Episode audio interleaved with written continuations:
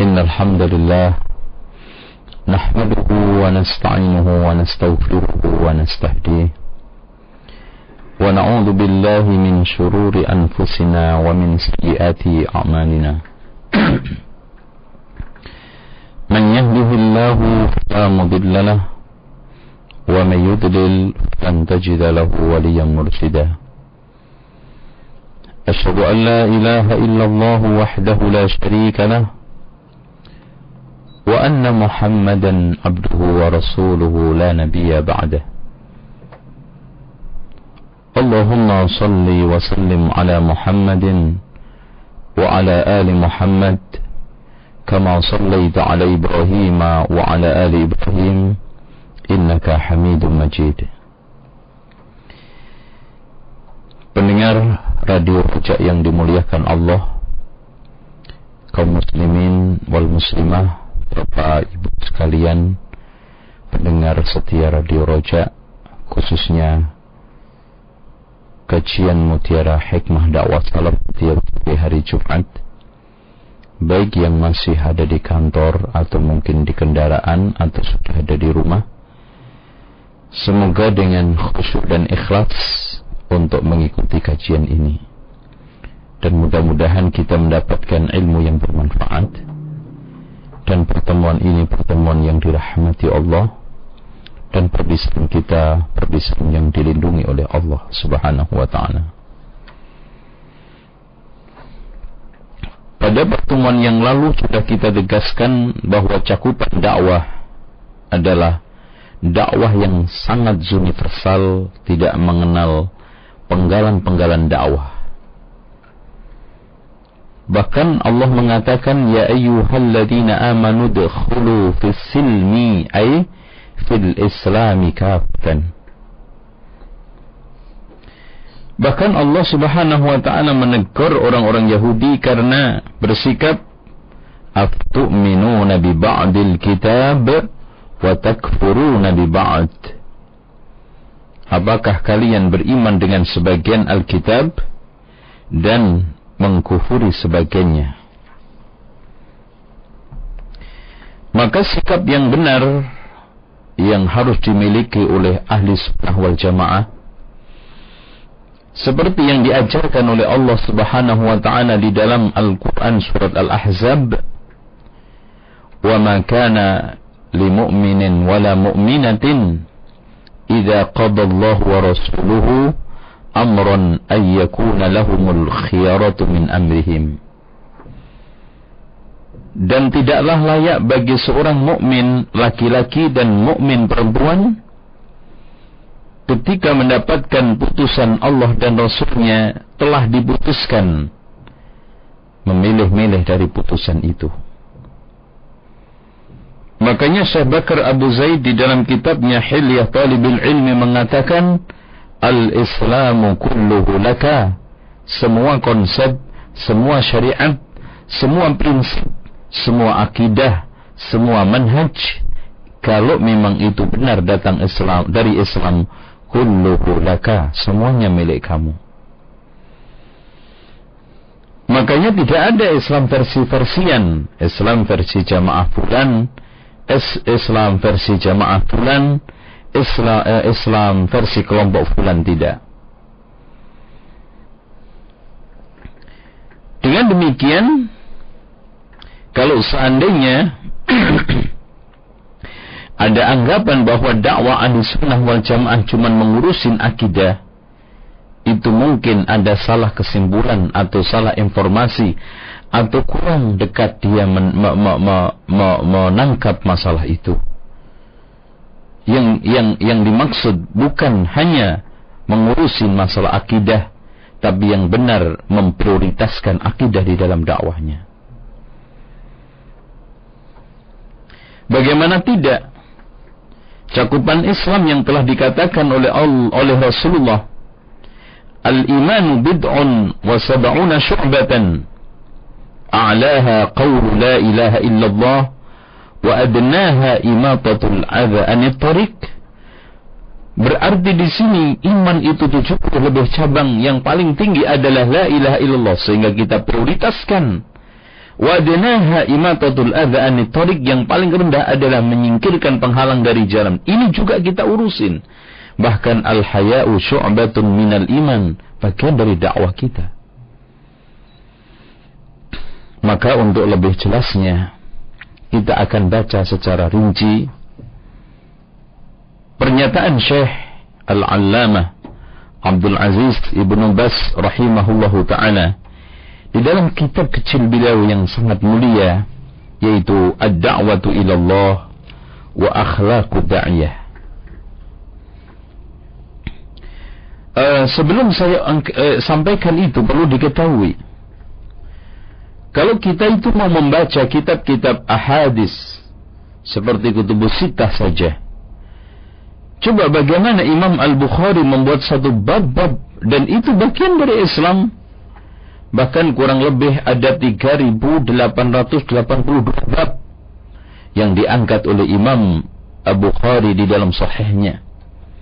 Yang mencakup masalah akidah, yang mencakup masalah muamalah, yang mencakup masalah ibadah, ibadah mahdah, yang mencakup masalah akhlak, riqaq, yang mencakup masalah hudud, yang mencakup masalah semua bagian dari Islam. Tidak ada yang tinggalkan oleh ulama. Dengan 3882 pembahasan bab.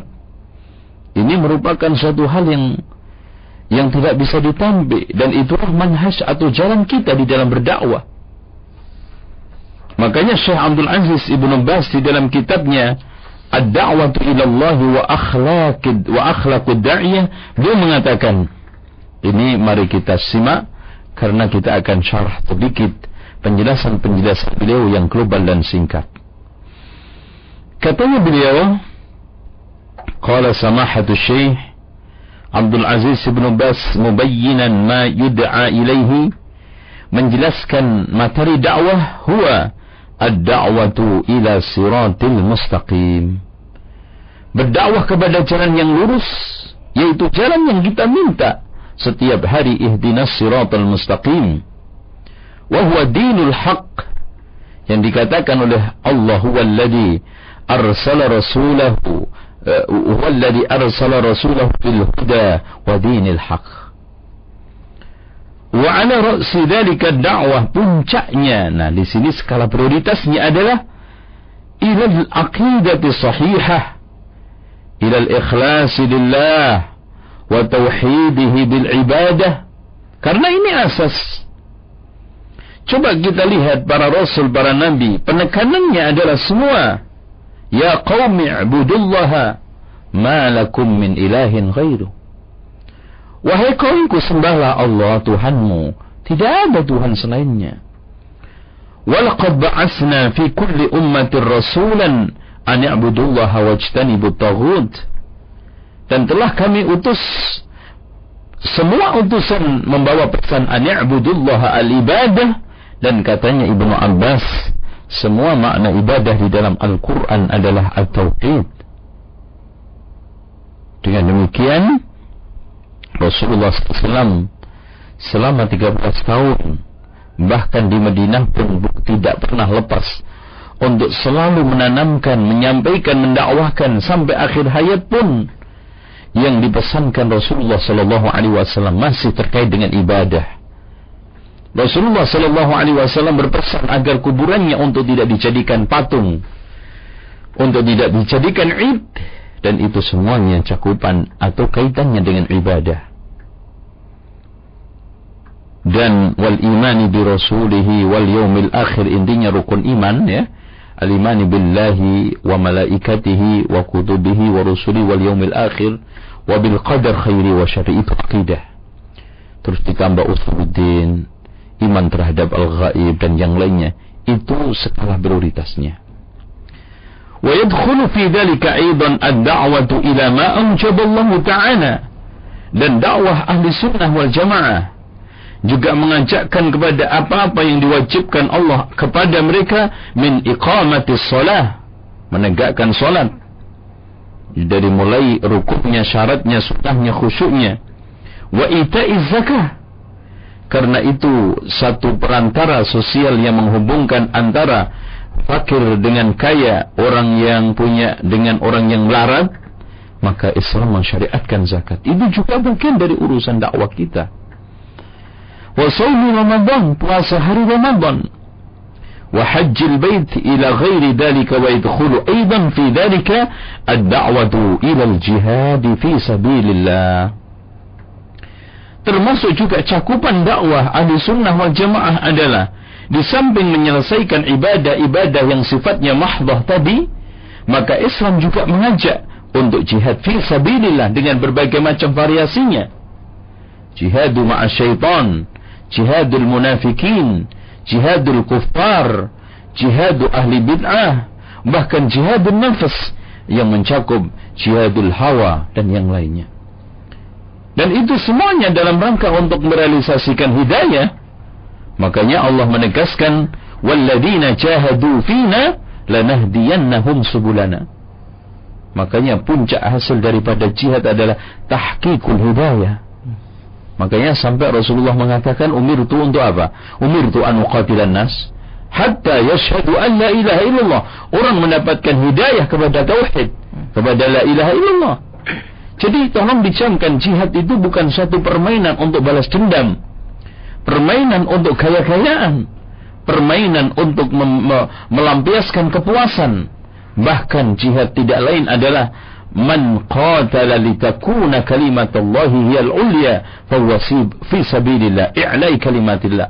Makanya tidak ngawur, ada persyaratannya, ada rukunnya dan ada adab serta tata caranya. Wal amru bil ma'ruf wad da'wa ila jihad wal amri bil ma'ruf wan nahyi 'anil munkar. Bagaimana tidak? Amar ma'ruf nahi mungkar kita tidak kita urusin. Sementara Allah Subhanahu wa taala mengatakan, "Kuntum khaira ummatin ukhrijat lin-nas ta'muruna bil ma'ruf wa tanhauna 'anil munkar." Tetapi amar ma'ruf tidak sembarangan. Makanya Sufyan As-Sauri mengatakan, hendaknya orang yang amar ma'ruf nahi mungkar adil di dalam amar ma'ruf nahi mungkarnya alim di dalam amar ma'ruf nahi mungkarnya dan ilmu maaf di dalam amar ma'ruf nahi mungkarnya. Makanya Syekhul Islam Ibn Taimiyah di dalam kitabnya Al-Amru bil Ma'ruf wan 'anil Munkar menegaskan hendaknya orang yang ingin melakukan amar ma'ruf nahi mungkar berilmu sebelum amar ma'ruf nahi mungkar. Dan ini syarat utama.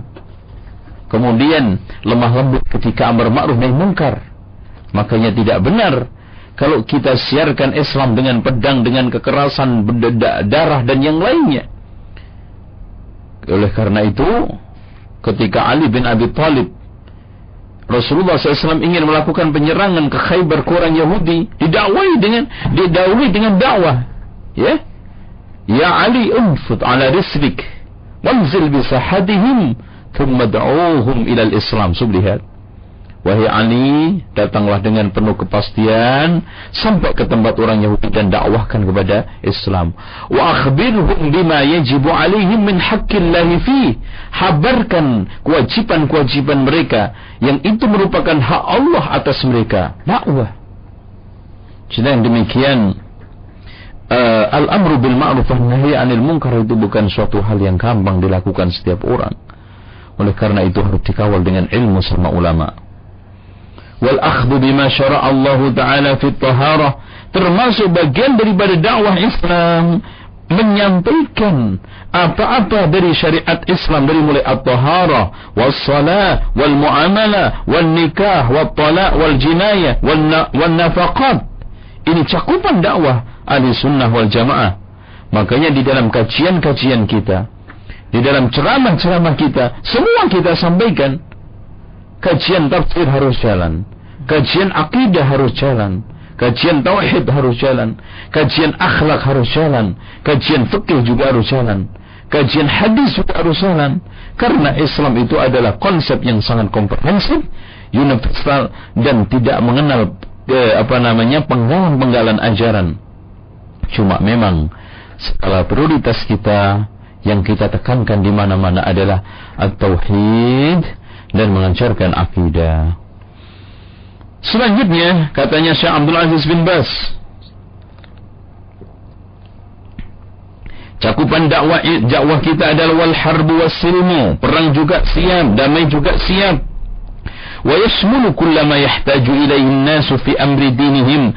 Mencakup seluruh kebutuhan manusia dalam perkara agamanya. Wa yad'u ila makarimil akhlaq. Mengajak kepada akhlak yang mulia. Wa mahasinil a'mal. Dan amal yang mulia. Wa yanha'ana safasifil akhlaq. Dan melarang akhlak rendah. Wa sayyi'il a'mal. Dan amalan-amalan yang buruk dari mulai mencuri, merampok, perokok, minum, narkoba, ya judi, kemudian hasad, dengki, ujub, dan berbagai macam penyakit-penyakit hati. Yang kadang-kadang ada orang ngaji bolak-balik, ya, bahkan ngaji sampai lumutan akhlak, dengki sama temannya sendiri nggak pernah selesai. Ini harus kita hilangkan. Karena itu bagian dari dakwah bukan sekarang ini kita kita belajar akidah terus menampilkan hal yang penting ini makarimul akhlak. Ya, akhlak-akhlak yang tercela dari mulai hibah, menamimah, naklul asrar, memindah rahasia orang lain, hasud, dengki, dendam, iri dan masih banyak penyakit-penyakit hati. Ini juga urusan dakwah ahli sunnah wal jamaah. Fahuwa ibadatun wa aqidatun. Masya Allah. Wa qiyadatun. Dakwah ahli sunnah wal jamaah juga katanya Syekh Abdul Aziz bin Bas. Ibadatun wa qiyadatun. Ibadah dan juga qiyadah.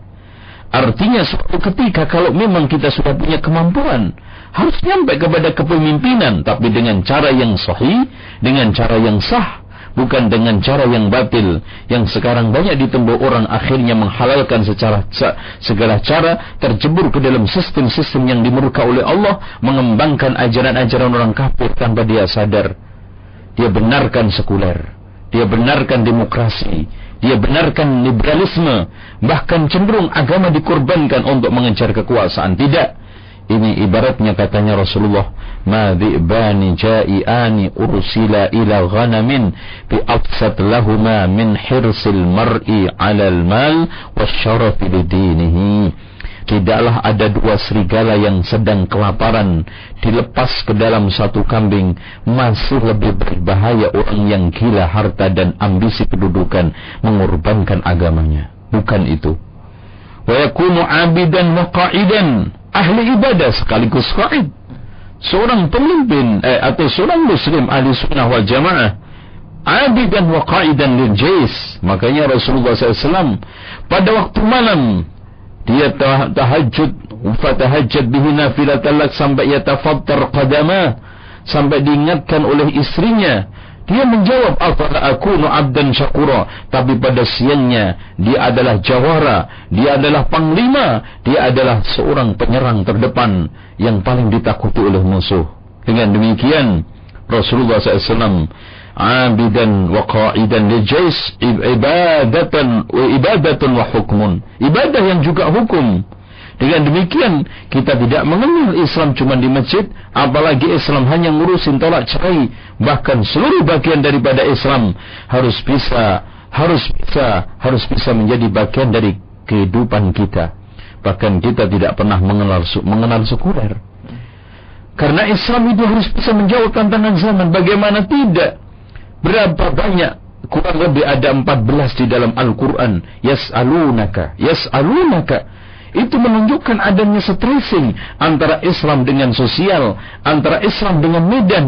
Bagaimana ada orang terus berpendapat Islam hanyalah masjid, Islam hanyalah tempat pondok pesantren, sementara Islam jangan dibawa ke dalam kehidupan berpolitik, berekonomi dengan alasan-alasan yang kerdil, bahkan mengekor terhadap pernyataan-pernyataan Israiliyat kaya baru, yaitu pernyataan orientalisme yang mereka memang menyimpan dendam di dalam penelitiannya. Dengan demikian wa yakunu abidan wa musallian. Al ibadah yang musallian Sa'iman. Wa yakunu hakiman bi syar'illah. Dan juga menegakkan hukum syariat Allah. Munaffidan li ahkamihi azza wa jal. Menerapkan hukum-hukum Allah azza wa jal. Ibadatun wa jihadun. Ibadah dan juga jihad. Yad'u ila Allah ta'ala.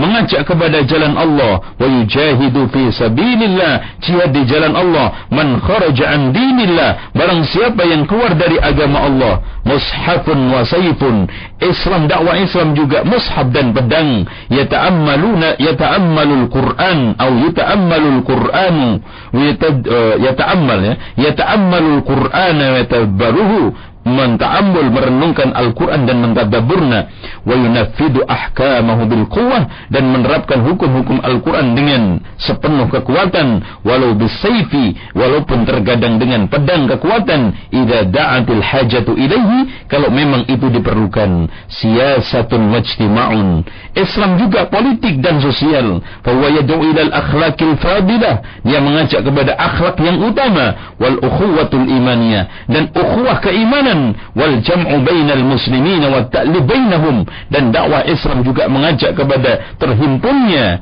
bersatunya umat Islam satu dengan yang lainnya bersatu. Dan ada celahnya saling menasihatin bukan dikembangkan satu kaidah yang sesat. Eh, eh, nata'awanu fi mattafaqna alaih wa ya'duru ba'duna ba'dan fi makhtalafna alaih ini sesat jadi kita tolong menolong dalam hal yang sudah kita sepakati dan kita saling toleran dalam hal yang kita perselisihkan. Harusnya kita saling nasihatin di dalam hal yang kita perselisihkan. Lah kalau sudah kita saling toleran ya udahlah biarkan saya salah. Mana sekarang watawasau bil bis sabr Anda letakkan. Bahkan yang sahih kaidah ini kita tolong menolong di dalam hal yang sudah kita sepakati dan kita saling menasihati dalam hal-hal yang kita perselisihkan. Barangkali kebenaran di Anda atau sebaliknya kebenaran di saya dan orang tidak bisa kita klaim paling benar kecuali Rasulullah SAW. Makanya Imam Malik mengatakan, "Kullun yu'khadu wa yutrak min qawlihi illa sahibu adal qabri." Selanjutnya katanya Syekh Abdul Aziz bin Bas, "Wa huwa aidan yad'u ila ada'il amanah." Islam juga mengajak kepada menganukan amanah. Bahkan dikatakan oleh Rasulullah SAW termasuk bagian sifat munafik adalah tidak menunaikan amanah. Maka Rasulullah dalam hadis yang lainnya addi adil amanah ila man tunaikan amanah kepada orang yang telah memberikan kepadamu amanah. Bahkan khianat itu suatu tercela. Sehingga Rasulullah SAW menggambarkan sayati 'alan nasi sanawatun khadda'at akan datang pada manusia tahun-tahun penuh penipuan. Yukhawwanu fihinnal amin orang terpercaya dikhianati. Wa yu'tamanu al fihin al khain. Pengkhianat diberikan amanah dipercaya wa yusaddaqul kadhib wa shadiq yang jujur didustakan yang pendusta dikatakan jujur. Wa yantiku fihin ruwaibidah pada saat itu ruwaibidah menguasai opini. Wa qila mar ruwaibidah rasul ditanya apa yang dimaksud ruwaibidah maka rasul menjawab ar-rajulu tafihu yatakallamu fi amril amah. Orang yang kerdil ilmunya sok bicara masalah agama. Bahkan kita lihat sekarang amanah sudah hampir hilang. Bahkan Rasulullah SAW mengatakan, "Awwalu ma tafkiduna minad dini al-amanah." Yang paling pertama kali hilang di dalam agama ini adalah amanah. Dan tanda-tandanya adalah ila wusidal amr ila ghairi ahlihi fantahir sa'ah. Pada saat itu dah hancur. Makanya Islam mengajak bukan adail amanah menyerahkan amanah kepada orang yang profesi, profesional, orang yang ahli, orang yang memang layak untuk memegang tambuk itu wal hukmu bisyariah. Islam juga mengajak untuk berhukum dengan syariah. Wa tarkul hukmi bighairi ma anzalallah. Meninggalkan hukum-hukum yang tidak diturunkan oleh Allah Subhanahu wa taala. Hukum produk manusia hukum yang ditransfer dari orang kafir hukum yang dibuat oleh manusia yang sangat lemah yang disebut al-qawaninul wad'iyah Bahkan Allah Subhanahu wa taala menegaskan, "Wa man lam yahkum bima anzalallahu fa ulaika humul kafirun, wa man lam yahkum bima anzalallahu fa ulaika humudz zalimun." Dan "Wa man lam yahkum bima anzalallahu fa ulaika humul humul fasikun." Bisa kafir, bisa zalim, bisa fasik, tergantung kondisinya. Intinya, berhukum dengan hukum selain Allah akan menyebabkan berbagai macam ketimpangan di masyarakat, kejahatan merajalela, bahkan kalau kita lihat terjadinya pembunuhan dengan mudah, perzinaan, perselingkuhan begitu merajalela, perjudian sudah tidak ah, apa namanya tedeng aling-aling bahkan maksiat dosa besar ini semuanya karena lemahnya penerapan hukum Islam. Dengan demikian perlu diketahui itu semua sumbernya adalah bu'dul muslimina an dinihim Jauhnya umat Islam dari agama yang menimbulkan satu campur aduknya antara tradisi dengan ajaran. Kuatnya keyakinan yang bukan agama dan yang terakhir adalah lemahnya pengamalan terhadap hukum Islam. Bahkan Rasulullah SAW memberikan suatu prediksi yang sangat menakutkan. Latunqadanna ural islami urwatan urwatan kullaman kullaman taqadat urwatun tashabbatha an-nasu billati taliha wa awwaluha naqdan al-hukmu wa akhiruha as-salah. Islam tali Islam akan terlepas seutas demi seutas. Ketika lepas satu orang akan bahkan berikutnya yang pertama kali lepas adalah al-hukmu yaitu sistem hukum Islam, hukum-hukum Allah dibabat wa akhiruha as-salah dan yang paling terakhir adalah salat.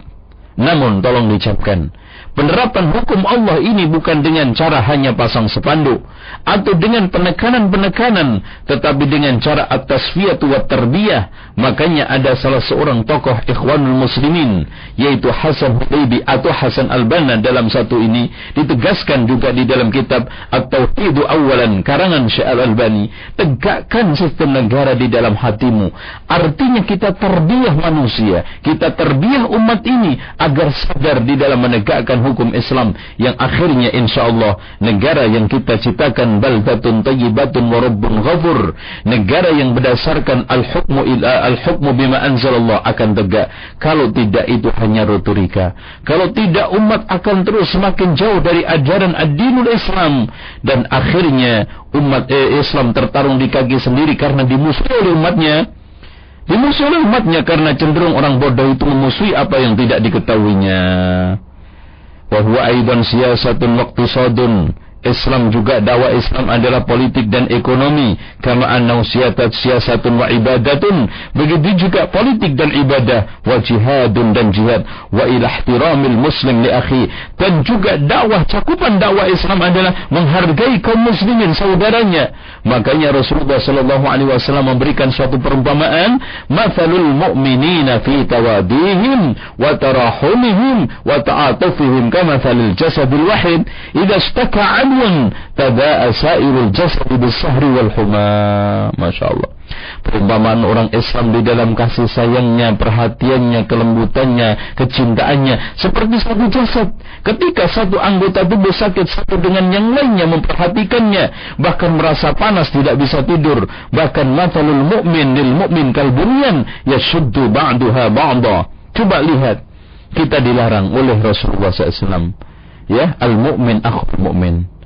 La yuslimuhu wa la yakhdhuluhu tidak boleh menyerahkan kepada musuh tidak boleh menghinakannya ya dengan demikian la ghilla wa la hasad. Ya la ghillun tidak ada satu perasaan ini ghil yaitu penyakit-penyakit hati kebencian-kebencian kepada sesama kaum muslimin wala hasadun tidak ada hasud. Wala ghisun tidak ada penipuan. Wala khianatun tidak ada pengkhianatan. Wa ghairi dzalika minal akhlaqi dzamimah seluruh akhlak jelek diperangi oleh Islam. Dengan demikian Rasulullah SAW menegaskan dabba alaikum da'ul umami qablakum. Al-baghda'u wal hasad. Al-hasad wal baghda'u oh, telah masuk ke dalam kalian penyakit umat-umat dahulu yaitu hasad dan baghdha, kebencian, kedengkian dan juga permusuhan. Wa 'alaika, nah ini pesannya Syekh Abdul Aziz bin Bas. Wa 'alaika an ta'khudhal Islam kullahu. Wajib bagi kamu mengambil Islam seluruhnya. Hadhihi khudhu aqidatan wa amalan wa ibadatan wa jihadan wa istima'an. Ambil akidahnya, wa amalan amalnya, wa ibadatan ibadahnya, wa jihadan jihad jihadnya, wastima'an sosialnya, wasiasatan politiknya, wastihadan wa ghairi dalika dan iktisadan ini ekonominya wa ghairi dalika. Dan tolong dicamkan bukan eh, bukan yang dimaksud eh, politik partai karena partai itu bukan politik. Dan politik juga bukan partai yang ada hanyalah politik al-Islam seperti yang dikatakan oleh Imam Asy-Syafi'i la siyasata illa ma wafaqa syar'a tidak ada politik kalau tidak sesuai dengan syariat khudhu min kullil wujuh kama qala ta'ala ambil semua seperti yang ditegaskan oleh Allah يا أيها الذين آمنوا ادخلوا في السلم كافة ولا تتبعوا خطوات الشيطان innahu lakum aduwwum mubin. Secara impulsif kita ambil ayat ini, siapa saja yang tidak masuk Islam, tidak mengambil Islam, maka yang diambil adalah jalan syaitan. ini yang ditegaskan juga oleh Syekh Salim Al-Hilali lawan daripada jalan Allah Islam adalah khutuwati syaitan. Maka kenapa Allah setelah memerintahkan kita ya ayyuhalladzina amanu dukhulu fis silmi kafah karena selain jalan Islam adalah khutuwati syaitan. Wallahu a'lam bissawab. Sampai demikian insyaallah kita teruskan pada pertemuan yang akan datang. Materi apa? Materi dakwah yang kita akan sampaikan, yang kita ini kan, insya Allah uh, uh, akan kita tunjukkan bukunya nanti, ya. Mudah-mudahan uh, kita akan membahas ensiklopedi penghujatan terhadap sunnah, karena uh, kita akan mengajak dulu kepada manhaj, ya. Insya Allah setelah kita pelajari manhaj dari buku itu, kemudian setelah itu akidah kita kembali kepada kitab ini insyaAllah. Dengan demikian, kita sampaikan kepada pendengar sekalian yang banyak juga masuk SMS ke saya, buku apa yang kita pegang kali ini, sementara ini adalah Rokais, dan insyaAllah setelah kita bicara sekarang, uh, dakwah apa yang harus kita prioritaskan, maka kita mengarah ke aki ini manhaj dulu, baru setelah itu akidah dan kita uh, pelajari lewat uh, kitab ensiklopedia penghujatan terhadap sunnah insyaallah. Wallahu Pendengar ujian yang Allah Subhanahu wa taala demikian beberapa penjelasan yang disampaikan Ustaz uh, Zainal berkaitan tentang pembahasan kita sore hari ini. Untuk saja akan kita buka sesi tanya jawab. Namun sebelumnya kita akan jeda terlebih dahulu. Jangan ke mana-mana tetap di frekuensi 756 AM akan kembali kita setelah jeda yang berikut ini. القرآن. لو أنزلنا هذا القرآن على جبل لرأيته خاشعا متصدعا من خشية الله. وتلك الأمثال نضربها للناس لعلهم يتفكرون رجاء راديو دعوة على السنة والجماعة للذاكرين والذاكرات Pendengar radio yang dimuliakan Allah Subhanahu wa taala kembali di frekuensi 756 AM dan bagi antum yang mungkin baru bergabung bersama kami Kajian secara langsung dalam pembahasan mutiara dakwah salaf yang disampaikan oleh Ustaz Zainal Abidin Fidahullah Ta'ala. Dan setelah tadi kita simak pembahasan berkaitan tentang tema prioritas dakwah yang seharusnya kita mulai sebagaimana dimulai oleh para sahabat, kemudian para tabi'in dan atba'u tabi'in dan tentunya ulama-ulama yang mengikuti mereka. Untuk selanjutnya untuk memperluas pembahasan Anda bisa bertanya secara langsung di 823 6543 dan kami mohon dengan sangat pertanyaan yang akan melayangkan sesuai dengan materi pembahasan. Kita angkat penelpon yang pertama, Ustaz. Iya, silakan. Assalamualaikum. Halo. Iya. Dari mana, Ibu? Dari Ibu Dwi. Iya. Assalamualaikum Pak Ustaz. Iya, di Bekasi ya. Iya. Hmm, silakan Bu. Uh, gini Pak Ustaz, uh, Hmm. saya mau minta dijelaskan tentang ayat-ayat Israiliyat ya Pak ya, Iya. yang pada akhirnya merasa merajalelanya paham sekular dan liberal, Iya, yang iya. diimbuskan oleh orang-orang Yahudi yang merupakan Hmm. manifestasinya pecah belahnya umat Islam. Betul. Saya mohon jelaskan ya Pak ya. Iya, iya. Semua. Ah. Assalamualaikum warahmatullahi wabarakatuh. Waalaikumsalam. warahmatullahi Betul, eh, seperti yang dijelaskan oleh Syekh Bakar Abu Zaid di dalam kitab Hilyah Talibul Ilmi, eh, bahayanya sekarang Israiliyat kaya baru. Ada Israiliyat jadidah. Sebagaimana Israiliyat qadimah menghancurkan bagian-bagian Islam karena banyak Israiliyat-Israiliyat yang maudu'ah dhaif bertentangan dengan Islam. Sekarang Israiliyat yang jadidah maksudnya Syekh, Bakar Abu Zaid pernyataan-pernyataan orang barat yang nampaknya ilmiah logis masuk ke dalam Islam.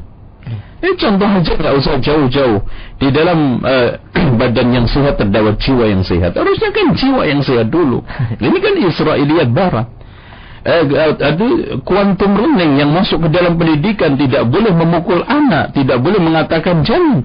Ini kan bertentangan dengan eh, prinsip muru auladakum bisalah wa hum abna'u sab'i sin wadribu 'alaiha. Jadi banyak teori-teori yang diambil dari orang barat yang sejatinya bertentangan dengan Islam dipakai begitu saja mirip Israiliyat yang dulu masuk di zaman-zaman awal-awal Islam yang masuk uh, di dalam berbagai macam kitab-kitab terutama tafsir yang pada akhirnya adalah baik bahkan di antaranya adalah palsu dengan demikian waspadai juga di samping kita mewaspadai Israiliyat qadima maka kita juga memper, uh, apa namanya mewaspadai Israel jadiyah. Contoh Israiliyat yang jadidah sekarang adalah semua agama benar. Ya dengan gitu. Pernyataan dari mana? Digulirkan oleh orang sekuler. Digulirkan oleh orang-orang uh, barat orientalisme bahwa semua agama adalah benar. Pada pada akhirnya adalah paralelisasi artinya semua ujungnya akhirnya sama yaitu surga dengan memperalat ayat-ayat atau hadis-hadis Rasulullah. Lah hal-hal yang seperti ini mirip dengan Israiliyat yang dulu masuk ke dalam Islam begitu saja disampaikan, ditransfer kemudian menjadi bagian dari Islam diwaspadai kemudian dipilah oleh ulama bahwa Israiliyat ini adalah palsu dan yang lainnya. Maka kerjaan kita juga sekarang adalah membersihkan Israiliyat Israel artinya pernyataan-pernyataan uh, tokoh-tokoh dari kalangan Yahudi dan Nasrani orang-orang kafir barat yang mencoba untuk membambuskan racun ke dalam Islam uh, di, di dalam pernyataan-pernyataan tersebut contoh aja jilbab adalah uh, apa namanya uh, kebiasaan orang Arab. Jenggot itu kan ciri orang Arab bukan Islam. Jadi uh, dikesankan bahwa kalau memang kamu orang Indonesia nggak perlu jilbaban nggak perlu pakai jenggot. Jangan itu karena itu ciri ciri khas budaya Arab. Nah inilah Israiliyat Israiliyat kaya baru yang dimaksud oleh Syekh Bakar Abu Said di dalam kitab Hilyah Talibul Ilm. Wallahu a'lam Baik, demikian jawabannya dari Bu Dwi di Bekasi. Hmm. Baik, kita angkat penelpon yang selanjutnya. Assalamualaikum. Iya. Dengan hmm. siapa di mana, Ibu? Di ya. agak keras suaranya, Bu ya. Silakan. Iya. Hmm. Assalamualaikum, Ustaz. Waalaikumsalam saya ada mempunyai masalah sedikit ini yeah. teman-teman saya. Mm-hmm. Uh, saya mempunyai dua orang teman. Mm-hmm. Teman yang pertama melontarkan sebuah tuduhan kepada teman yang kedua dengan kata-kata yang sangat menyakitkan ya. Yeah. Sehingga teman yang kedua ini datang pada saya bercerita mm-hmm. permasalahannya dan sakit hatinya kepada teman yang pertama. Mm-hmm. Ternyata dulu saya juga pernah mengalami seperti itu kepada mm-hmm. teman yang pertama. Mm-hmm. Teman yang pertama ini menganggap dirinya ini juga uh, seakan-akan lebih alim di antara kita semua karena dia mempunyai rekomendasi dari ustadz-ustadz yang pendidikannya tinggi. Sehingga memicingkan sebelah mata kepada kita teman-temannya.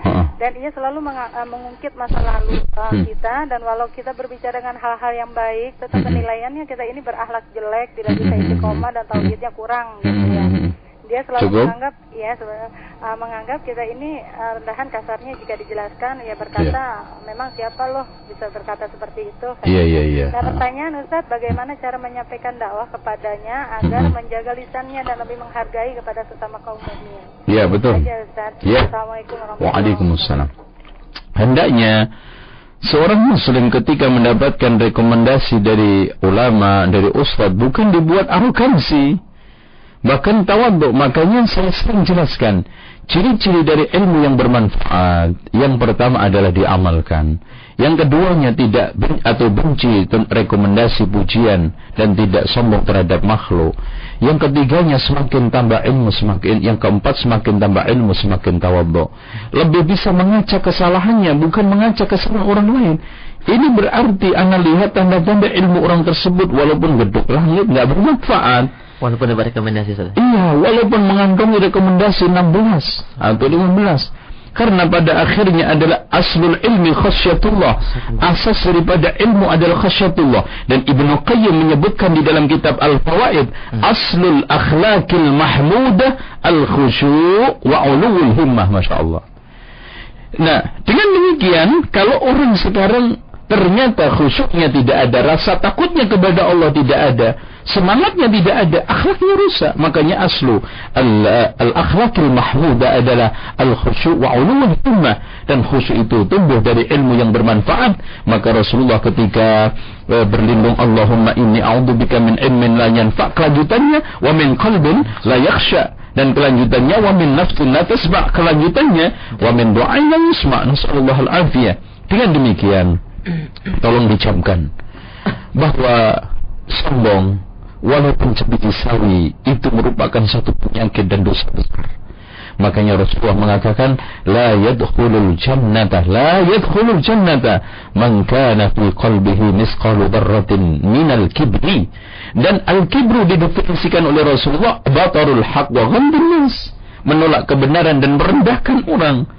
Dengan demikian walaupun jilbabnya besar, ngajinya sudah lama, kalau ketawaduannya tidak ada maka itu pertanda ilmu tidak bermanfaat. Kayaknya Syekh Bakar Abu Zaid di dalam kitabnya Hilyah Talibul Ilmi juga dia mengatakan semakin tambah ilmu orang semakin tawadu. Dan Ibnu Qayyim Al-Jauzi di dalam kitabnya Al-Fawaid juga mengatakan tanda-tanda orang bahagia ada lima. Semakin tambah ilmu semakin tawadu. Semakin tambah amal semakin tambah takut kepada Allah. Semakin tambah umur, semakin hilang rasa rakus dan tamaknya itu semakin berkurang. Dan keempat, semakin tambah duit, semakin dekat dengan fakir miskin. Dan yang kelimanya, semakin tinggi jabatannya, semakin dekat dengan rakyat. Bukan malah menjauh, takut ketemu rakyat. Itu lihat aja Abu Bakar Umar bin Khattab itu sampai tiap subuh nyampur rumahnya janda. Sekarang mana ada pemimpin yang mau nyampur rumahnya janda? Mungkin nyampur rumah duitnya janda. Itu kan gitu. Dengan demikian di sini berbeda. Tawadhu harus kita munculkan ya. Man tawadhu alillah rafa'ahullah. Baik kita angkat telepon yang uh, satu kali lagi sebelum kita angkat dari pesan singkat bagi anda yang ingin bertanya di 0218236543. Hmm. Assalamualaikum. Waalaikumsalam warahmatullah. Dengan siapa? Ibu di mana? Bu Ima di Depok. Ya, Depok. Hmm, Pak silakan. nanya, Ya. tadi bicara politik, Iya. hukum lah. Ya, Uh, politik hukum Islam. Terus kalau budaya Islam ada nggak Pak? budaya Islam ya. Nah, nah, terus ini as- ini Pak buku tentang bukunya Bapak itu di mana Pak? Saya Iya. tinggal Eh. di Depok. Kalau Iya. saya bisa nyari di mana gitu. Saya- Di ya. Nanti kita Iya, informasikan, ya. Iya. Terima kasih. Assalamualaikum. Salam. Waalaikumsalam. Eh, s- eh, ten- pertanyaannya tentang budaya ya. Yes. Di dalam Islam nggak ada budaya karena Islam juga tidak ada adat istiadat. Islam tidak ada taqalid. Yang ada adalah syariah wal hukmu. Karena adat budaya itu ciptaan manusia. Benar. Kemudian mungkin diklaim budaya Islam gitu aja karena apa? Karena mencoba diislamisasikan. Contoh aja tasawuf. Produk luar dikasih tasawuf Islam. Atau mungkin partai itu produk orang luar dikasih partai Islam. Iya. Terus kemudian ada lagi produk yang lebih lucu lagi demokrasi, demokrasi Islam. Jadi Islamisasi dengan mudah sekali dan ini merupakan suatu eh, apa namanya kekerdilan karena membuat Islam itu seakan-akan cacat dan kurang lengkap kalau nggak nggak ditambahi dengan eh, bud- apa namanya transfer atau pengambilan dari luar itu tidak akan sempurna. Padahal Allah telah mengatakan al yauma akmaltu lakum dinakum wa atmamtu alaikum ni'mati wa raditu lakumul Islam dan Islam ditinggalkan Rasulullah SAW sudah sempurna makanya Syekh Abdul Aziz mengatakan tadi itu ya hukman wa siasatan iktisad dan politik semuanya mencakup intinya al-islamu kulluhu laka dan Islam itu semuanya sudah cukup untuk kita di dalam berlaga dalam kehidupan tanpa harus kita mencangkok dari ajaran lain wallahu a'lam Iya. Satu saja kan kita angkat beberapa Ya. pertanyaan ini dari Ya. Ah. sudah cukup banyak. hmm. Ya, Assalamualaikum warahmatullahi wabarakatuh. Ya, Ustaz, di tempat saya ada sekelompok orang yang melarang mengaji eh, pengajian dengan manhajus salaf. ya Sehingga apabila kita mengaji di masjid dihalang-halangi oleh mereka. Bagaimana seharusnya sikap kita? Dari Abu Fadl di Bekasi. Ini masuk ke dalam firman Allah wa idza qila lahum ta'alu ila ma wa idza qila lahum ta'alu ila ila Allah war rasuli ra'aital munafiqina yasudduna anka sududa Ketika diajakkan untuk kembali kepada Allah dan Rasulnya Orang-orang munafik menghalangi dengan sekuat tenaga. Maka tolonglah bertakut kepada Allah Katanya Ibnu Hazm.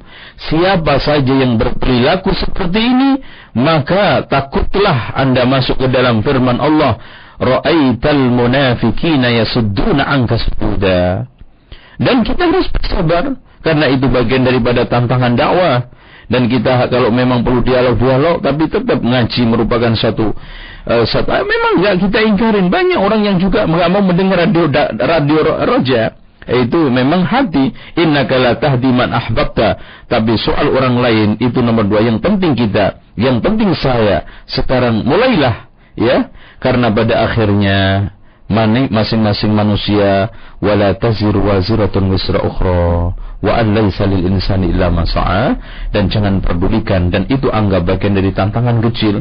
Zaman dulu ada yang ditanam di dalam bumi kemudian dibelah dengan geraji Eh. bahkan di antara mereka dikelupas dagingnya dari kulitnya tidak menyebabkan dia keluar dari ajaran Islam. Ini baru kecil makanya ini harus terus diterabas harus terus kita tantang insya Allah akan dengan sendirinya mereka akan bosan nanti ya Eh. Allah. Baik, kembali dari pesan singkat dari Abu Ukasya di Taman Rahayu. ya Ustaz Anda pernah mendengar perkataan seorang ustaz yang membolehkan tasawuf dan berdalir dengan perkataan Imam Malik, "Man tafaqaha wa lam tasawwafa fa huwa fasik. Fa man tasawwafa wa lam tafaq tafaqaha fa huwa zindik." Apakah benar perkataan ini dan apakah maksud dari perkataan Imam tersebut? Jazakallahu khair. ini pertanyaan makdubun alaih Hmm. yaitu per- pernyataan yang mendustakan atas nama Imam Malik radhiyallahu anhu rahimahullah taala. Karena apa? Karena pertama zaman Imam Malik itu belum ada wala kalimat, wala kalimat tasawuf, tidak ada. Dan Imam Malik bukan orang tasawuf, ahli sunnah wal jamaah. Dan bahkan dia orang yang paling benci ilmu-ilmu itu. Bagaimana tidak muridnya Imam Syafi'i aja mengatakan pernah mendengarkan eh, ketika masuk Mesir mendapati beberapa zikir yang aneh-aneh. Kata beliau apa? Tidaklah orang masuk ke lingkaran kelompok ini pagi sebelum duhur udah sinting ahmak. Bagaimana Imam Malik yang sangat tegas terhadap bid'ah dan sangat gigih di dalam membela sunnah. Bahkan beliau mengatakan as-sunnatu kasafinati Nuhin faman raqiba naja membenarkan tasawuf. Ya enggak mungkin, wallah alam. Iya. Terus kembali kita angkat dari pesan singkat dari pendengar kita di Jakarta Ustaz. Disebutkan ada perkataan Hasan Albana ya, artinya Akim dawatakum fi anfusikum takumlakum fi ardikum. Ya. Kenyataannya apa yang kita saksikan daripada pengikut mereka jauh dari apa yang dikatakan imam-imam mereka. Betul. Apakah eh, penyebab semua ini dan bagaimanakah kelompok atau firqah ini baik buruknya sehingga saya bisa memahaminya dengan dengan sebenar-benarnya jazakallahu khair. Ya, kalau teman-teman ikhwanul muslimin mau baca kitab tokoh-tokohnya, yakin apa yang dilakukan sekarang 100% melarang melanggar guru-gurunya. Contoh aja Al Hasan al Banna di dalam kitabnya Wasaya Isrun, Wasiyah Isrun, Wasiyah 20-nya dia mengatakan Islamiyatun qablal jamaah. Sekarang kenyataannya jam'iyah qablal Islam.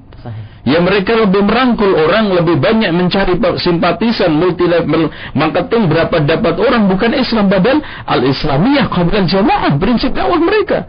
Bahkan kalau kita membaca kitabnya Fathul Yakan di dalam kitab uh, Mada Ya'nil Intima ilal Islam dia mengatakan bahwa yang menyebabkan rusaknya sistem negara Islam dan yang membuat rusaknya sistem tatanan Islam dan hukum Islam adalah demokrasi dijelaskan di situ dengan terang dan gamblang.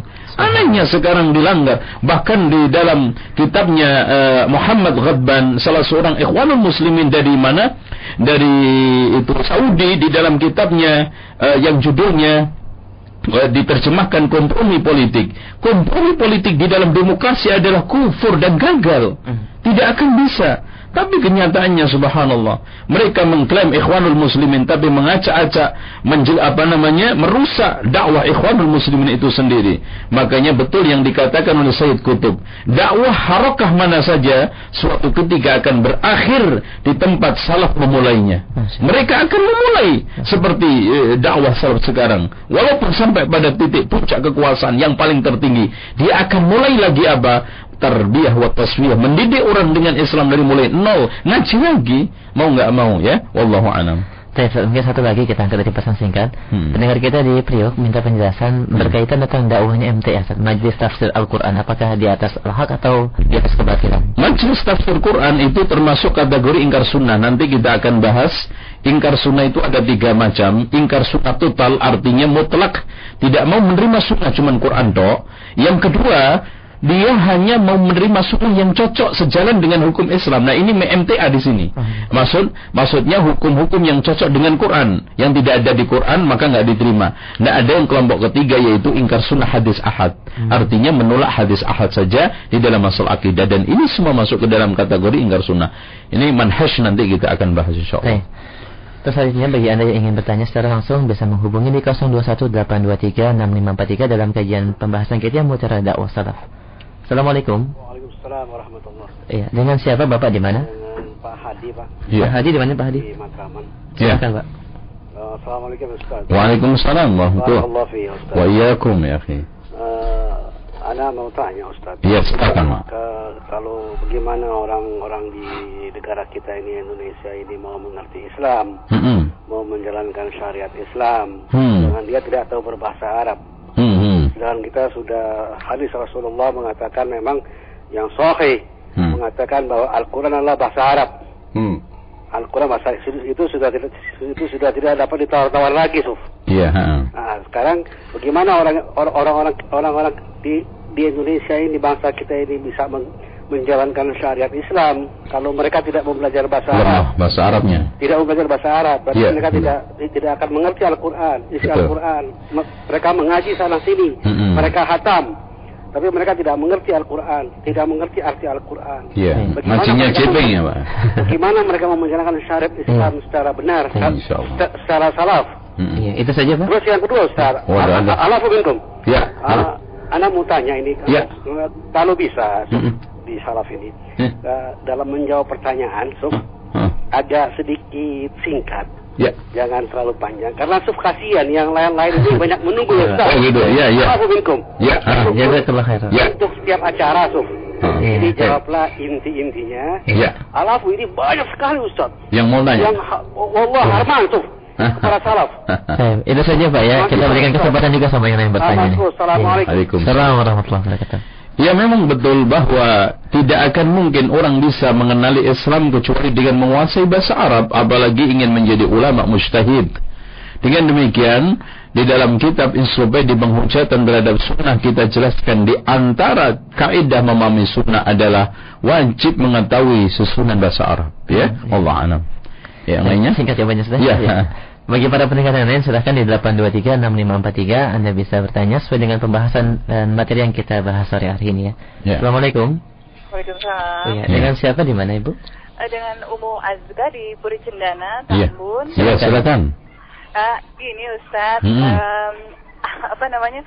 Kalau misalnya nih ada orang yang eh, sudah mengerti manhaj salaf, Hmm. dakwah salaf, Hmm. terus kemudian dia tinggal di suatu lingkungan yang belum eh, mengetahui mengetahui banyak tentang dakwah salaf. Nah, jadi em, mereka masih eh, masih tradisi yang Iya. eh, apa yasin tahlil.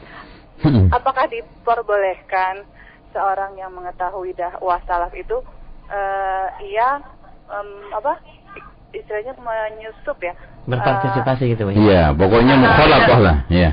Bersama mereka. Bersama mereka Iya. eh, dengan maksud ingin Untuk dakwah. dakwah salaf. Iya, iya. Eh, Cukup ya. benarkan. Ya, Iya. makasih Ustaz.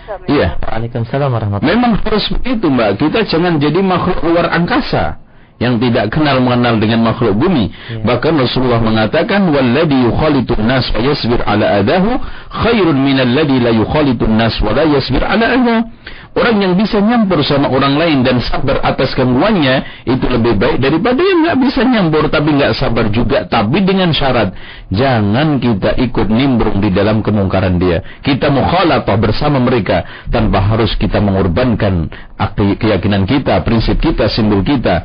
Artinya, ah, udahlah siapa nyampur anak ikut tahlilan, anak ikut ya. Banyak hal-hal yang mubah yang bisa kita ikut serta. Dari situlah kita ambil hati mereka insya Allah. Bermuamalah tetap ya Ustaz ya. Ya, bermuamalah harus. Baik. Bagi para pendengar yang ingin bertanya secara langsung silahkan di 8236543 kita angkat kembali. Assalamualaikum. Halo. Halo. Ya, Waalaikumsalam warahmatullahi Dengan siapa di mana? Pak Apri di Pondok Kopi nih. Iya, silakan, Pak.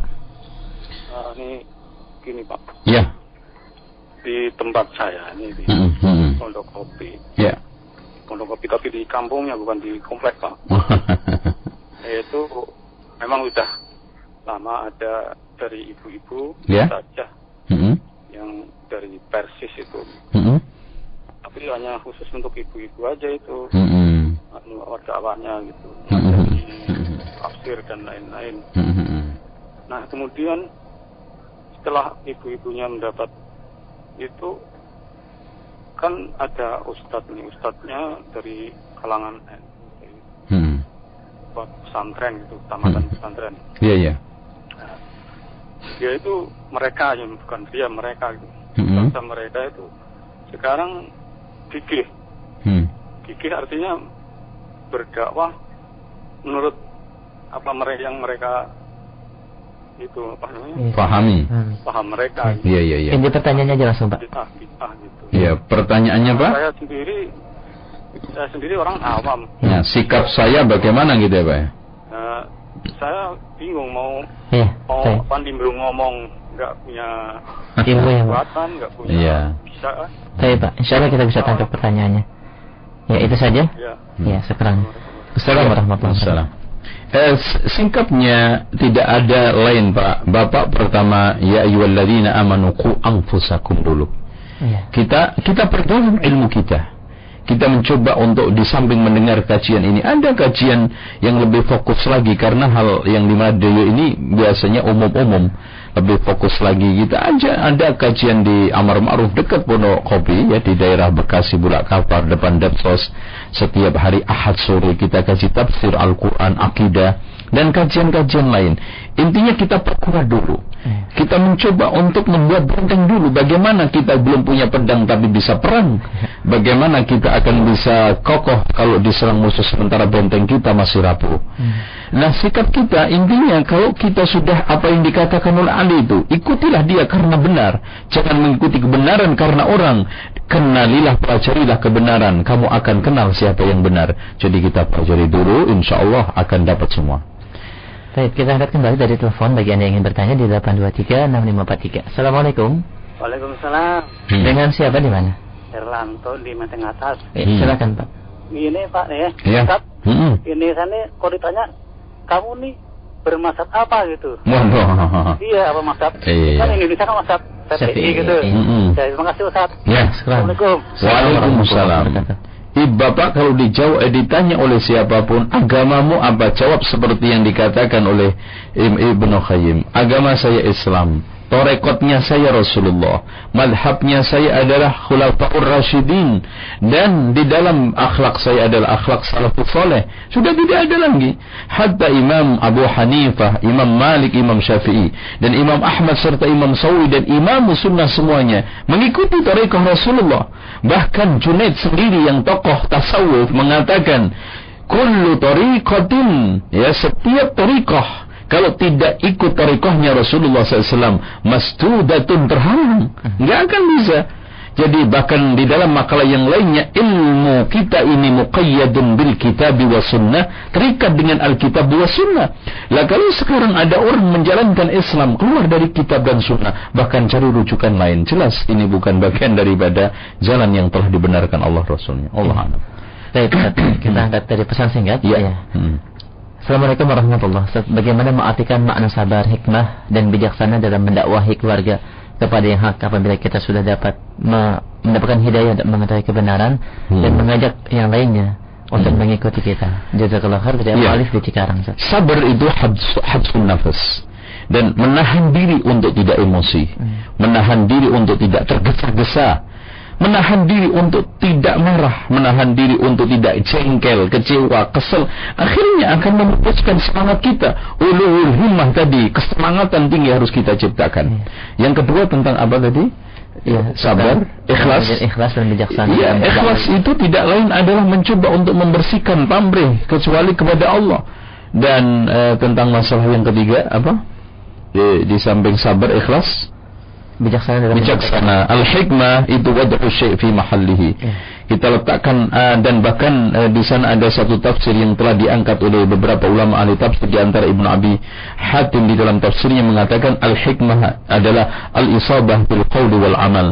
Bahkan Imam At-Tabari men- men- menguatkan bahwa yang dimaksud hikmah adalah al-isabah bil qawli wal amal, selalu benar di dalam ucapan dan perbuatan dan itu setelah dikawal ucapan kita perbuatan kita dengan Alkitab wa sunnah, kekuatan ilmu dan amal menyatu di dalam diri kita. Maka Syekh Sa'di di dalam tafsirnya. Kalau sudah kuwatul ilmi wal amal menyatu dalam kita diri kita maka al isabah fil wal amal akan tercipta. Allah a'lam. Baik, kembali kita berkaitan tentang Radio Roja Ustaz. ya. Saya, saya dengar di beberapa kajian dan di beberapa tempat bahwa Radio Roja radio sururi, sedangkan radio yang lain adalah radio yang ada di atas al-haq. Apakah ini benar Ustaz? di balik-baliknya tuh ya ini yang nuduh itulah yang sururi. Kayaknya lebih singkatnya itu karena uh, kita kita definisikan semua dakwah yang mengajak hizbiyah itu adalah sururi. Insyaallah kita akan keluarkan buku nanti ada beberapa majmuah min fatawal ulama kita lagi terjemahkan kita akan jud, kasih judul hizbiyah penalu dakwah insyaallah mudah-mudahan keluar. Baik, kembali kita angkat dari pesan singkat. Assalamualaikum warahmatullahi wabarakatuh. Bagaimana kiat-kiat kita dalam belajar meniti manhaj para sahabat, manhaj salaf ini? Jazakumullah khair. Perlu diketahui bahwa meniti manhaj ini tidak tidak mudah dan tidak singkat. Bahkan e, mungkin dari yang tradisi dibutuhkan tahunan. Intinya kesabaran terus mencari, kemauan untuk berubah, dan tidak stagnan di dalam tempat. Bahkan jangan hanya pintar membenar-benarkan kebiasaan yang sudah jalan, tapi mencoba kita membiasakan yang benar. Kayaknya konsep itu yang harus kita miliki. Innallaha la yughayyiru ma biqaumin hatta yughayyiru ma bi anfusihim. Nah, kalau itu kena insyaallah. Ya contoh haji anak dulu dari NU pakai proses Masya Allah. Mungkin hampir 12 tahun baru kena kan gitu. Dengan demikian sabar terus dan berusaha untuk tekad kuat untuk mencari yang benar itu yang penting ya. Allah alam. Kita angkat kembali ada sedikit uh, pertanyaan menarik ya. seputar masalah keluarga Ustaz. Bagaimana ya. caranya mendakwahkan kepada suami yang bila salah ditegur kemudian dia marah atau merasa lebih tahu uh. pernah mengucapkan maaf bila salah istrinya dan harus menurut apa pun yang dia sampaikan. Gimana Ustaz? Ya, ini tabiat laki-laki. Ya, pertama Bu, caranya pertama ketika memberitahu kepada suami, jangan ada unsur merendahkan. Hmm. Kemudian yang kedua, sampaikan dengan lemah lembut. Dan yang ketiganya, jangan sok nguruin. Dan yang keempatnya, pura-pura bertanya. Dan yang kelimanya, doakan suami agar mendapatkan petunjuk dari Allah. Itu aja sudah paling bagus. Wallahu a'lam. Eh, kita akan kembali dari telepon bagi yeah. yang ingin bertanya di 8236543. Insya Allah kita masih punya waktu sekitar berapa menit, Ustaz? Iya, betul. 10. 10 ya, 10 menit, 15 menit lah. Assalamualaikum. Waalaikumsalam. Iya, dengan siapa di mana? Dari Bekasi. Iya, silakan. Ustaz, Ana mau tanya. Iya. Uh, Ana punya banyak teman di Harokah. Iya. Kan? Hmm. Ana juga baru mengenali Mas Salaf. Hmm, hmm, hmm. Tapi kok uh, ke sini-sini Ana baru menyadari gitu kok uh, dari teman-teman Ana yang baru Ana kenali Mas Salaf terus hmm perbandingan dengan teman-teman yang anak yang masih di Harokah kok dari masalah akhlak gitu dari masalah uh, rohim kok lebih dekat ke teman-teman yang lama gitu. Hmm, hmm, hmm, lihat uh, teman-teman yang di Harokah ini kok kayaknya mereka banyak yang kalau ketemu diem gitu lebih kayak hmm. tanggung gitu Ustaz. Iya. Ininya iya iya. betul betul. Ya Ustaz. Iya betul. Waalaikumsalam warahmatullahi wabarakatuh Emang ini penyakit akhwat. Makanya saya sering katakan ah gawat ini. Ini kita lihat kadang-kadang ada grup-grupan di majelis ya yang cadaran udah udah merasa masya Allah bajunya gede-gede ya merasa meremehkan bahkan bahkan harusnya kalau anda sudah paham kalau anda sudah jilbabnya gede itu tarik kasih hidayah orang yang masih awam Memang anda dulu gaji, sekarang bajunya gede terus kemudian itu bom salah bom langsung nggak pakai proses kan? Bahkan anda dulu mungkin lebih jahil. Hmm. Makanya ini merupakan suatu hal yang harus kita ubah cepat. Kadang-kadang nggak mau ngomong, nggak mau nyapa. Padahal Abdul Salam itu tidak mengenal. Hatta muslimah yang nggak jilbabannya itu wajib kita Abdul Salam bainakum. Sebarkan salam di antara kalian. Dan bahkan kita berikan satu, masya Allah, sikap kelemah lembutan karena ini nggak paham. Coba sikap Rasulullah kepada orang yang kencing di masjid. Karena kelembutan Rasulullah, akhirnya orang tersebut, Masya Allah, tertarik dengan Islam. Thumamah bin Usal yang kafir, karena tertarik dengan kelembutan Rasulullah SAW, akhirnya menyatakan, Asyadu an la ilaha illallah anna Muhammad Rasulullah. Dan bagaimana hubungan ukhuwah antara perempuan muhajirin dan ansor, yang dibangun begitu akrab, yang begitu kuat, sampai wa yusiruna ala anfusihim walau kana bihim khasasa. Bukan sekarang bikin grup-grup kelompok-kelompok ya, yang cacat ajaran hitam wah ini masih taplak nggak perlu disapa nggak perlu di ini nggak perlu diperdulikan. Enak aja di situ makan kacang pak stoples habis. Denger ngaji juga enggak dan yang lainnya. Ini sebetulnya akhwat paling celaka. Eh akhwat merusak dakwah dan di mana saja anda musuhin akhwat seperti ini. Dengan demikian tolong dirubah kebiasaan. Mereka orang yang jahil sangat perlu kelemah lembutan kita, rahmat kita, kasih sayang kita, pendekatan kita. Coba dengarkan firman Allah. Fadima rahmatin minallahi lintalahum. Karena rahmat Allah itulah kamu akan menjadi lemah lembut. Walau kunta faddan ghalidhal qalbi lan faddu min hawlik. Kalau kamu keras hati, kasar tabiatnya, selalu apa namanya, ha, apa na, penampilannya itu keren ketat, mukanya itu masam, maka akan lari dari semuanya. Inilah kekurangan kita. Dan kita harus akui, tidak jelek mengakui kekurangan. Bahkan suatu hal yang hebat kalau orang muslim itu mengakui kekurangan maka seorang penyair seorang penyair Imam Syafi'i mengatakan rahimallahu rahimallahu man ahda uyubi ilayya semoga Allah merahmati orang yang bisa menghadiahkan aib saya Allah a'lam Dan itu bukan suatu hukum bagi manhaj itu sendiri saja. Tidak, tidak. Ini oknum. Ini oknum aja. Mungkin juga nggak banyak. Kadang-kadang sedikit. Tapi ya memang eh, namanya virus itu kan membuat geger komputer itu kan cuma virus cuma berontok sama apa. Trojan tok kan itu. Baik. Saat kita angkat kembali dari Ya. telepon. Assalamualaikum. Waalaikumsalam warahmatullahi Dari Ya. mana Ibu? Dari Ibu Rosie, Hmm. Iya, Hmm. silahkan. Assalamualaikum Ustaz. Waalaikumsalam. Ini Ustaz anak punya ayah. Hmm. Karena dakwahnya orang Nasoro, kemudian dia murtad. Hmm. Allah. Nah, itu terjadi pada saat saya ketika Iya. umur uh, 12 tahun ya. Ah, ah. Dan hingga, hingga sekarang uh, jika didakwahkan juga dia bilang "Ah, saya lebih tahu hadis dan uh, Al-Quran dari dulu sebelum kamu lahir. Makanya saya sekarang milih Nasoro katanya karena di situ Masya nggak ada kebenaran katanya. Nah Hmm. itu saya pengen tanya bagaimana cara mendakwakan untuk dia ja- kembali ke jalan kebenaran itu Ustaz. Iya. Ah, ah, udah itu aja. Iya. Jazakallah khair. Assalamualaikum Waalaikumsalam. Saya tidak tahu secara persis tabiat orang tua Anda kayak apa dan Anda mungkin lebih paham. Tapi intinya komunikasi dialog itulah yang paling penting. Coba bagaimana penentangan bapaknya Nabi Ibrahim, tapi Nabi Ibrahim terus melakukan dialog walaupun akhirnya tidak masuk Islam. Nabi Musa pun kayak apa itu Fir'aun tauhidnya, tapi faqula lahu qawlan layyina, dialog juga. Tapi intinya sampaikan sambil didoakan. Seperti Abu Hurairah kepada ibunya meminta kepada Rasulullah bahkan tawasul ya Rasulullah doakan agar orang tua saya itu masuk Islam. Dan jangan bosan. Dan akhirnya kalau mbak terus dialog dakwah dan dan akhirnya dia tidak masuk Islam. Innaka la tahdi man ahbabta wa walakin Allah yahdi man yasha'u ila siratim mustaqim. Karena Nabi Muhammad yang sudah selengkap itu aja Abu Talib tidak bisa di, diselamatkan dari neraka oleh Rasulullah. Karena yang punya hati adalah Allah. Wallahu a'lam. Baik, demikian dan bisa kita angkat kembali dari telepon. Assalamualaikum. Ya. Iya, dengan siapa Bapak di mana? Mujiono di Kebong Lapa. Mm-mm. Di mana Pak? Mujiono di Kebong Lapa. Oh ya, silakan. Mm, Tadi silah. nanya tadi Ya. di masjid kami di kalau malam Jumatan itu Hmm. baca Yasin. Ya. Sedangkan saya kan pengurus, tapi Hmm. saya nggak ikutin. Saya baca, Hebat.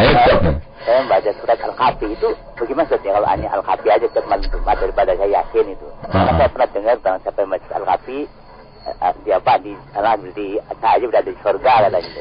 Tapi Bapak ikut bareng-bareng sama mereka. Saya bareng karena saya kan pengurus kebetulan.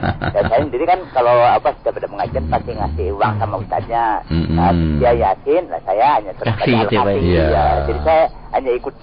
Sebabnya saya biasa kalau habis maghrib nunggu sampai isya itu. Oh, gitu. Hmm. Ya, itu saja Pak ya. Iya, Bu itu aja. Hmm. Ya, Assalamualaikum. Waalaikumsalam. Paling selamat Pak. Sekarang kan ngundang Ustadz. Udah, sekarang kaji aja tafsir Yasin sama tafsir Al-Kahfi. Udah selesai. Adapun Yasinan kalau sudah ada annya ini jadi bid'ah. Iya. Gak ada, kenapa nggak bakoroan aja kan gitu. Jadi bapak terus jadi pengurus, bapak terus jalankan dakwah, tapi ganti, mencobalah untuk berubah dan mencoba untuk bisa dan mencoba untuk kuat diganti tafsir, mempelajari tafsir Quran, undang ustadz yang bisa menjelaskan. Wallahu a'lam. Baik, silakan bagi Anda yang ingin bertanya kembali di 8236543 kita angkat telepon selanjutnya. Assalamualaikum. Assalamualaikum. Waalaikumsalam Waalaikumsalam. warahmatullahi Dengan siapa Bapak di mana? Dengan Noto di Bekasi ini. Ya. Silakan Pak. Assalamualaikum Ustaz. Waalaikumsalam. Ini mau nanya Ya silakan. masalah itu masjid yang ada mihrab sama kubah itu ya. Ya kenapa pak? Ini untuk mencari yang nggak ada mihrab sama kubah itu di lingkungan kita kan susah ya. Ya. Terus ada ikhwan-ikhwan kita yang malah nggak mau sholat yang ada mihrab sama kubah itu. Waduh, ini. Ini Iya. gimana ini sikap kita Ustaz? Iya, iya. Hari itu kan susah sekali ya. Cukup ya? Iya, terima Hmm. kasih syukran Ustaz. Baik. Assalamualaikum. Waalaikumsalam. Tolong dicamkan. Kalau kita sekarang imamnya ahli bid'ah aja, katanya Al Hasanul Basri, salli ma'ahu wa alaihi bid'atuhu. Salatlah bersama dia, bid'ah dia yang nanggung. Dan Rasul mengatakan sallu ma'ahum ketika pemimpin fujar fa in asabu walakum walahum wa in akhtau falakum wa alaihim. Salatlah bersama pemimpin-pemimpin yang fujar. Kalau benar kamu benar, dia benar. Kalau salah kamu benar, dia salah. Dan tolong dicamkan Pak, maharib sebagaimana yang telah ditegaskan oleh Syekh Utsaimin di dalam fatwanya maharib ada dua macam. Maharib yang tasabbuh dengan mihrabnya ibadah-ibadah non-muslim, ada maharib Islamiyah. Taruhlah seandainya yang tidak Islam tidak ada satu fatwa pun di antara ulama melarang sholat di tempat masjid itu. Bahkan termasuk bid'ah ini meninggalkan jamaah dengan alasan itu. Nah, akhirnya apa sholat sendirian atau sholat di rumah? Sejak kapan sekarang sholat gugur jamaah gara-gara masalah itu? Tolong hadirkan fatwa ulama mana? Wallahu a'lam bishawab. Ustaz. Baik, kita angkat kembali dari telepon di depan 236543. Assalamualaikum. Assalamualaikum warahmatullahi Iya, dengan siapa Bapak di mana? Anda dari uh, Sam dari tempat. Ya, silakan Ustaz. Assalamualaikum Ustaz. Waalaikumsalam. Anda mau nanya Ustaz, Ya. eh, eh, seandainya imam ini bacanya eh, dapat meru apa eh, merubah lafaz gitu. Iya, iya. Eh, apakah saya harus mencari masjid yang yang sunnah, Mm-mm. lebih mendekati sunnah, Ya. eh, atau saya sholat di situ, Mm-mm. tetap sholat di situ gitu. Contohnya rusaknya kayak apa, Mas? Misalnya gini, eh, Ah. khairil apa khairil Dibaca khairil. Iya. gitu. Ya, cukup ya. Ya syukran ya. Assalamualaikum warahmatullahi Waalaikumsalam. Ini jelas masuk ke dalam kategori khotok jali. Khotok di dalam Quran itu ada dua macam, khotok jali sama khotok khafi. Kalau khotok jali maka tidak sah dan wajib mengulanginya dan Anda harus cari imam yang benar karena khairil maghdubi berarti sebaik-baik orang yang terkutuk ini nanti. Kalau bukan khairi, khairil itu khairun itu sebaik-baik, masya Allah. Eh, khotok merubah sal, merubah arti ini ya, ditinggalkan ya pindah hadis ini cari imam yang atau imamnya di, diganti diberitahu baik-baik Pak se- sebelum Bapak baca Quran baik sampai sebaiknya jangan jadi imam gitu Allah Baik, Ustaz, kita angkat kembali mungkin Iya. dari pesan singkat. ya Mohon penjelasan, saya pernah mendengar bahwa ilmu yang benar belum tentu akhlaknya benar. ya Tapi akhlak yang benar pasti dari ilmu yang benar. Mengapa bisa demikian dan apakah ini asar-asar yang sahih? Jazakallah ya secara umum memang ilmu itu tidak bisa menentukan secara umum sihatul aqidah wal manhaj wal akhlak memang betul ah, ah, apa namanya akhlak yang bagus, manhaj yang bagus, akidah yang bagus ber- berasal dari ilmu yang bagus. Tetapi ilmu kan ada dua, ilmu yang bermanfaat dan tidak bermanfaat. Inilah yang dikatakan oleh eh, Al Hasan Al Basri, al ilmu ilman, ilmu fil qalbi dzaka huwal ilmu nafi. Ilmu yang di dalam hati itulah ilmu yang bermanfaat, wa ilmun fil lisan dzaka hujjatun ali, ilmu di lisan yang itu nanti akan menjadi beban orang yang memilikinya. Nah, ilmu-ilmu yang menyebabkan rusaknya akidah, rusaknya akhlak, rusaknya manhaj tadi adalah ilmu yang tidak bermanfaat itu. Maka tidak semua ilmu itu bisa membuahkan manhaj akidah yang sahih betul. Ya, wallahu a'lam. Baik, dari pesan singkat kembali. Assalamualaikum warahmatullahi wabarakatuh. Fik. Mm-mm. Ustaz, eh, saya ada rencana mengajar di sekolah negeri dan saya Hmm. bimbang atau bingung Hmm. karena di sekolah tersebut diadakan maulid dan lain-lain sebagainya. Bagaimana saya harus bersikap sedangkan saya guru kelas? Ya kita berjuang, kita mencoba uh, untuk uh, apa namanya pelan-pelan mempengaruhi sekolah dan kepala sekolah. Insya Allah kalau anda masuk ke tempat itu niatnya dakwah dan ingin me- me- menebarkan sunnah tidak ada masalah. Walaupun mungkin pertama, kedua, ketiga atau tahun pertama, tahun kedua tidak kuat, tapi selagi in- keinginan anda ingin dakwah, ingin menjebur ke dalam dunia pendidikan eh, atau dakwah lewat pendidikan, insya Allah eh, anda akan ditolong dibantu oleh Allah. Tetapi kalau akhirnya anda lebur, akhirnya anda hilang identitas dan kepribadian, maka antum a'lamu bi anfusikum. Anda lebih tahu ukuran kekuatan kemampuan mental anda sendiri. Kalau memang madarat tinggalkan, kalau untung teruskan. Itu aja. Wallahu a'lam. Iya. Kembali pesan singkat dari Ya. Bapak Supardi di Pasar Rebo Ustaz. Assalamualaikum warahmatullah. Ya. Dia mengatakan tiada politik tanpa syariat. Bagaimana dengan parpol Islam Ustaz? Apakah sesuai dengan syariat? Gak ada parpol Islam, gak ada. Makanya saya katakan sering dan ini saya mau nulis buku tapi belum tega ini. Partai Islam bukan politik Islam. Politik Islam bukan partai Islam. Politik Islam lain. Makanya ulama-ulama atau sejak dulu politik Islam itu sudah jalan. Khulafaur Rasyidin menjalankan politik Islam tapi tanpa partai kan? Iya. Bani Umayyah Abbasiyah juga menjalankan politik Islam tapi tanpa partai Islam. Makanya mengatakan partai Islam itu suatu hal yang pencangkokan ya tambah-tambahan yang akhirnya menghancurkan Islam itu sendiri. Akhirnya Islam hanya dijadikan kendaraan dan tunggangan. Wallah alam. Baik, eh, dari pesan singkat kembali terakhir kita angkat dari Dede Hmm. di Cikarang. Ustaz minta penjelasan penafsiran ayat lana a'maluna walakum a'malukum. Lana amaluna walakum amalukum itu sama dengan lakum dinukum waliyadin. Itu kun, kun- untuk orang non muslim sama muslim. Makanya tidak dibenarkan ada orang Islam ketika dialog nggak ketemu udah deh mas kita nggak usah ngurusin keyakinan masing-masing lana amaluna walakum amalukum. Loh, Quran kita sama, hadis kita sama, kiblat kita sama, nabinya kita sama kok lana amaluna walakum amalukum lakum dinukum waliyadin. Ini untuk muslim sama non muslim ya. Allah alam. Baik, satu penelpon Ustaz. Iya, kita iya, angkat betul. yang terakhir. Ya. Assalamualaikum. Waalaikumsalam. Iya. Hmm. Dengan siapa di mana? Dari Anton Syabudi. Ya, Hmm. silakan Pak Yanto. Ini menyimak ajan subuh di Tojak kok nggak ada As-salatu khairum minan naun. Hmm. Masa tuh geger tuh gimana? Ustaz? Iya. Penjelasannya. Ya cukup. Assalamualaikum. Waalaikumsalam. Kini, Pak, masalah as-salatu khairun minan naum memang masalah khilafiyah di antara ulama. Ada yang mengatakan as-salatu khairun minan naum diletakkan pada adzan awal yaitu pada waktu eh, eh, orang-orang mau bang- bangun tahajud. Ada yang mengatakan eh, pada adzan pertama setelah fajar menyingsing subuh.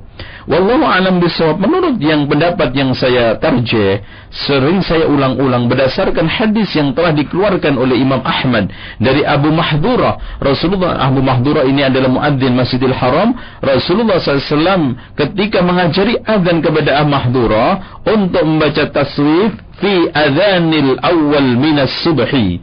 Azan awal dari subuh maksudnya setelah terbit fajar azan awal. Karena keduanya qomat karena Rasulullah SAW menegaskan azan qomat itu termasuk azan. Dalilnya ma baina kulli adzanaini salatun di antara dua azan itu ada salat berarti azan pertama yang itu panggilan masuk salat yang panggilan eh, azan kedua yaitu qomat masuk salat ini penafsiran yang mengatakan as-salatu khairum minan naum pada waktu azan subuh.